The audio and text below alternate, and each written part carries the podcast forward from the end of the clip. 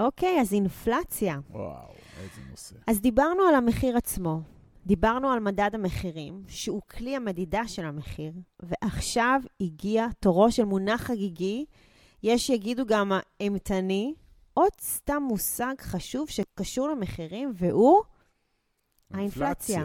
זאת המפלצת בחדר.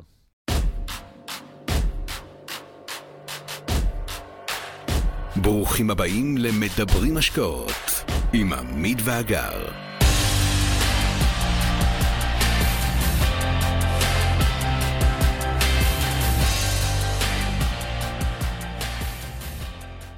אנחנו בשלהי שנת 2022, ממש ממש על הקצה, ועל אף שאנחנו בפתחו של החורף, נראה שאחד הנושאים הכי חמים היום הוא עליית המחירים או מגמת ההתייקרות שהולכת יד ביד עם העלאות הריבית במערכת הכלכלית.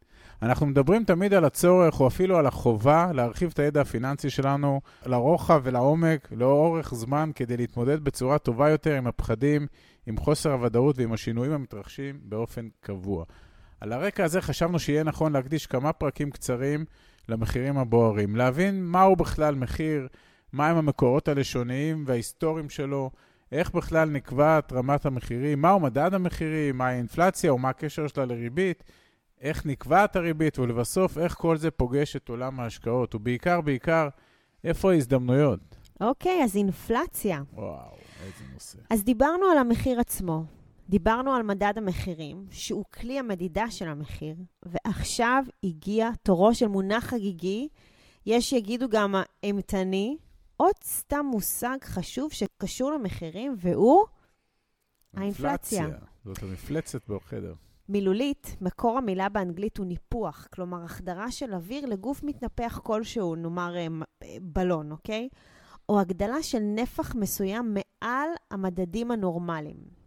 מכאן, בהשאלה, משמעותו של המונח בהקשרים הכלכליים זה פשוט עליית מחירים. לרוב בשיעורים גבוהים ולאורך זמן. כלומר, זה לא סתם עליית מחירים, אלא עליית מחירים מתמשכת.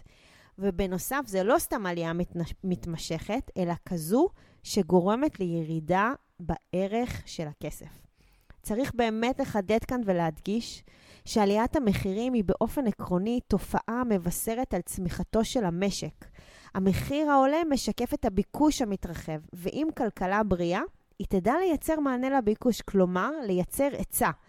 היצע גדול יותר הוא יצור נרחב יותר, שמשמעותו תוצרת נרחבת וגם גידול במספר מקומות העבודה, צמצום האבטלה, וכך יותר כסף פנוי לצריכה. כך המעגל הכלכלי מתרחב, אבל לא באופן נטול גבולות. נגיע לנקודה הזו בפרק הבא שיעסוק בריבית. בכל אופן, כאמור, עליית מחירים נחשבת ללא טובה כאשר היא מתרחשת לאורך זמן ובשיעורים גדולים. עלייה כזו, אינפלציה, גוררת שחיקה של ערך הכסף, או כמו שאמרנו כבר, שחיקה של כוח הקנייה שלנו. כשיש אינפלציה, הכסף שלנו שווה פחות ופחות, לעתים באופן מהיר מאוד. כדי להמחיש, נחזור שוב על הדוגמה הפשוטה שהבאנו בפרק הקודם של כוס הקפה. או אם תרצו, לטובת הגיוון, אבל עדיין בעולם הקולינריה, של מנת פלאפל. מנה ממוצעת ונוטפת חינה כזו עלתה לפני שלוש שנים, נניח עשרה שקלים. כעבור שלוש שנים מחירה של אותה מנה הוא נניח 13 שקלים, ומכאן שמאז נקודת האפס מחיר המוצר התייקר ב-30%. כלומר, הכסף שבידינו, אותם 10 שקלים, שווים פחות, ניתן לקנות באמצעותם פחות, הכסף נשחק, נקבל שלושת רבעי מנה.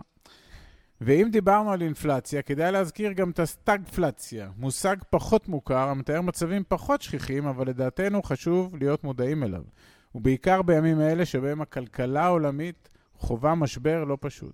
אז מהי סטגפלציה? זה תיאור מציאות שבה מתרחשת במקביל עליית מחירים משמעותית, כלומר אינפלציה גבוהה, והאטה בשיעור הצמיחה, כלומר מיתון, באופן שגורר גם לעלייה בשיעור האבטלה.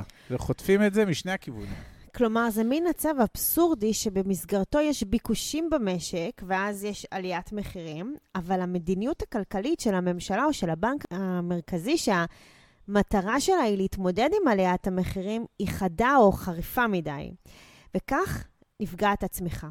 הפרשנים הכלכליים השונים מזכירים בזהירות בימים אלה את התופעה הזו כתרחיש אפשרי, אבל המציאות הנוכחית עדיין לא הוכתרה ככזו. נקווה שגם uh, זה לא יקרה לנו בהמשך.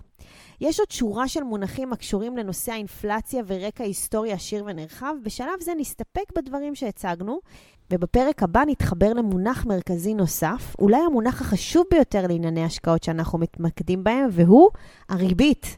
מדד המחירים, או יותר נכון השינויים שחלים בו, הוא במידה רבה הבסיס לקביעת גובה הריבית במשק.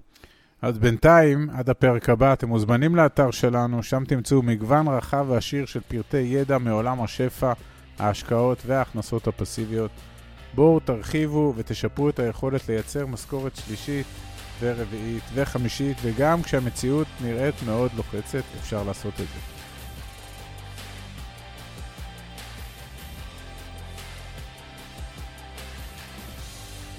עד כאן להפעם. כרגיל, שמחנו לשתף בידע ובניסיון שלנו, מקווים שנתרמתם.